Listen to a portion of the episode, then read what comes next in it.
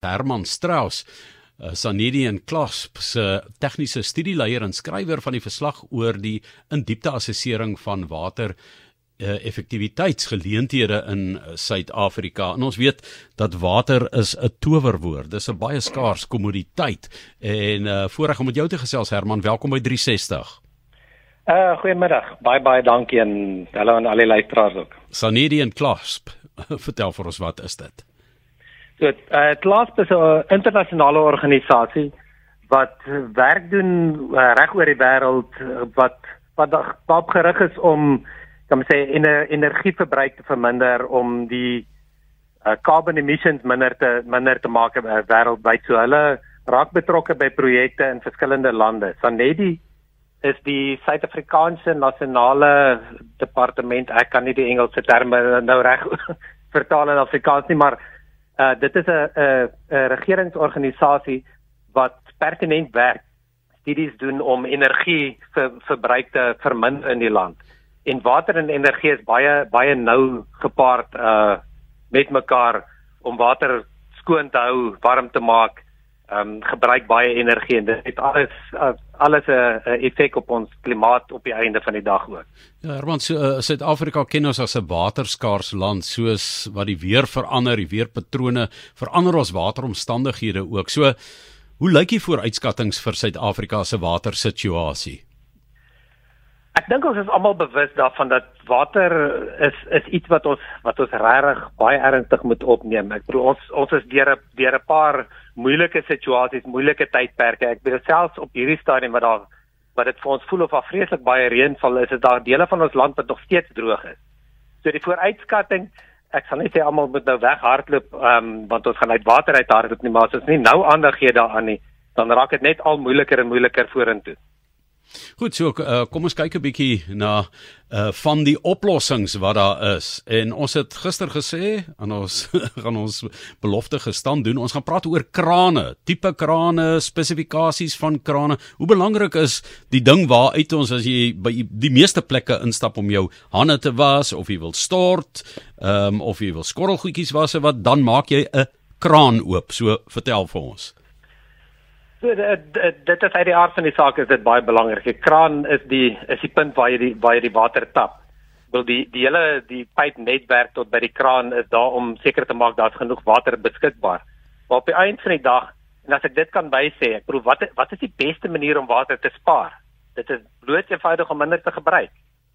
En hoe hoe kan 'n hoe kan ons minder gebruik is is let op wat jy doen. Kyk wat jy doen met die kraan.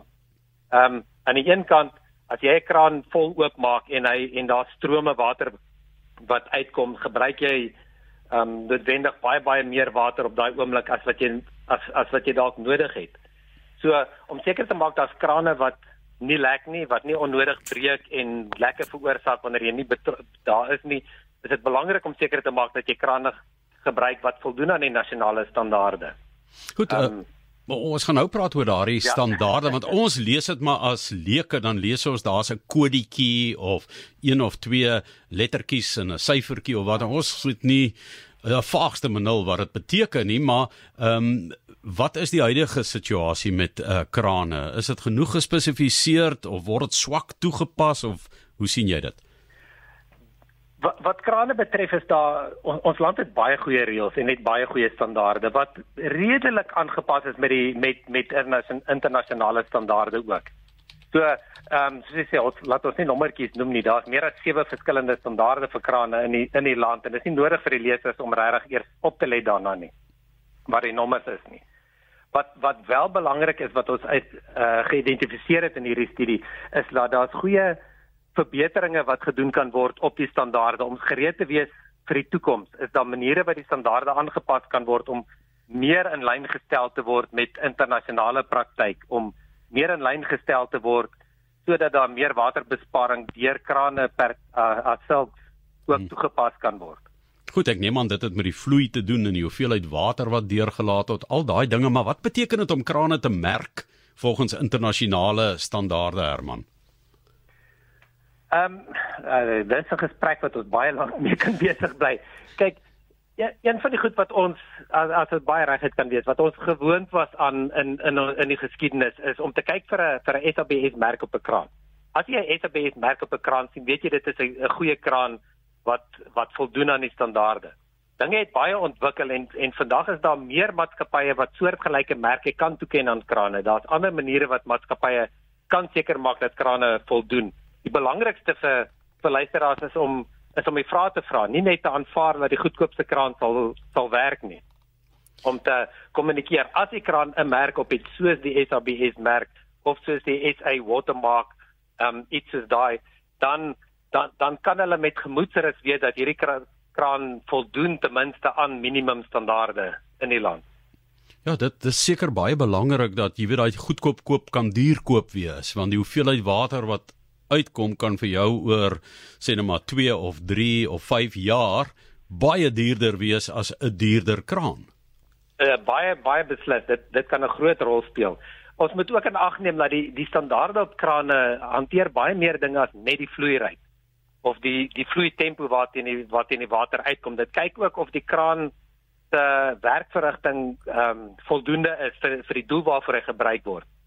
Ehm um, een van die goederes wat ons al internasionaal sien verkeerd gaan uit een van die van die terugvoer wat ons van die internasionale lande gekry het is 'n kraan wat wat jy veronderstel is om 'n bad water mee te tap. As die kraan se se se vloeitempo te stadig is, dan gebeur dit dat mense die kraan oopmaak en wegloop en terugkom wanneer dit heeltemal te vol is. So daar's sekere gebruikspatrone wat jy in ag moet neem om seker te maak dat die die werkverrigting is voldoende vir die hmm. doel waarvoor hy gebruik word, dat jy nie 'n negatiewe reaksie het nie. Of hy so stadig loop dat die water uiteindelik koud is wat jy wil warm hê nie so stadig loop dit in dit net so dit dit dit is een een van die gevalle wat ons ook gesien het uh, wat baie gebeur met stortkoppe. Uh, as as iemand 'n stortkop opsit wat baie min water gebruik en hy's later aan so geïrriteerd omdat nie voel of hy stort nie dat hy hom vervang met 'n met 'n met 'n ander stortkop of hy haal van die parte uit dat hy net asseblief 'n groot hoeveelheid water kry of mhm. hy stort twee keer so lank en dan op die ou end van die dag is die is die doel van die van die lae vloei tempo nie bereik. Ja, en mense met lang hare, mans en vroue wat 'n stortkop het wat nie daardie shampoo wil uitspoel nie. Daar's daar's net nie genoeg krag in die water hier, genoeg dit, vloei nie, né? Dit dit dit is absoluut korrek. En dit is hoekom dit belangrik is dat daar altyd meer as een komponent is. Dit is nie net die vloei tempo nie, dit is die vloei tempo en die funksionaliteit van die kraan of watter ander uh, loodgieter komponent dit ook al is. So is daar 'n groot rol met waterbesparing in die tipe stortkop wat jy kies. Uh, ja, baie beslis. Uh, die die die stortkop, dit is eintlik ongelooflik die tegnologie wat reeds in stortkoppe ingaan, die maniere wat hulle kry om stortkoppe laer water uh, verbruik te gee, maar nog steeds 'n goeie uh, stortervaring te gee. Ehm um, die die manier hoe hard die water spuit, hoe die water uh, se se patroon wissel, hoe groot area dit dit dek en alles. Dis Herman. En dit is alles, dit is alles vra wat jy wanneer jy 'n stortkop koop, let op na wat jy koop. Kyk na uh, vra vra die vrae dat jy die inligting kry oor hierdie spesifieke produk. Herman, dit geld daarom vir baie dinge deesdae. Gloeilampe, dan moet jy kyk na ehm um, die spesifikasies daarvan. Stortkoppe wat jy sê mens moet na kyk en ehm um, baie keer soek mens meer ingeligte verkoopsmense wat jou ook help, né? So die tipe handelaar na wie jy toe gaan, ook belangrik eh, dat daar deeglike opleiding is daar. Uh, dit dit dit is baie belangrik en dit is een van die redes hoekom ons nogal opgewonde is dat die departement van water en sanitasie het reeds reg terug aangekondig dat hulle 'n uh, 'n 'n program gaan begin om krane te te merk, die water effektiwiteit van die krane te merk sodat die sodat daar 'n uh, 'n kennisgewing op elke kraan is dat die die verbruiker kan sien wat die waterverbruik van hierdie produk is en dat hy dit kan vergelyk met ander produkte sodat hy ingeligte besluite kan neem. Dit is een van die een van die doelwitte van hierdie projek wat nou gedoen is om seker te maak dat die standaarde gereed is, dat alles in plek is sodat hierdie ehm um, projek van departement van water en sanitasie wel geïmplementeer kan word in die in die nabye toekoms. Ja, eh, dit is eintlik ongelooflik terwyl ek en jy praat, uh, gee Ignatius vir my die twee hooftrekke en ek gaan nou dit nie volledig lees nie want jy gaan eers hier nuus om 2 uur luid, maar luister na hierdie inleidende paragraaf, ehm um, Herman. Ja. Die minister van water en sanitasie, Senzo Mchunu sê, daar is nie 'n waterkrisis in Suid-Afrika maar eerder 'n probleem met waterbestuur. En dis waar ons begin by daai stort, né, by die stortkop met die draai van die kraan. So dis nogal interessant. Dit sluit aan by ons verantwoordelikheid as 'n watergebruiker met waterverbruik. So dis amper mens wil amper sê die um, eerste linie van verdediging in 'n huishouding. Uh, dit is absoluut die waarheid.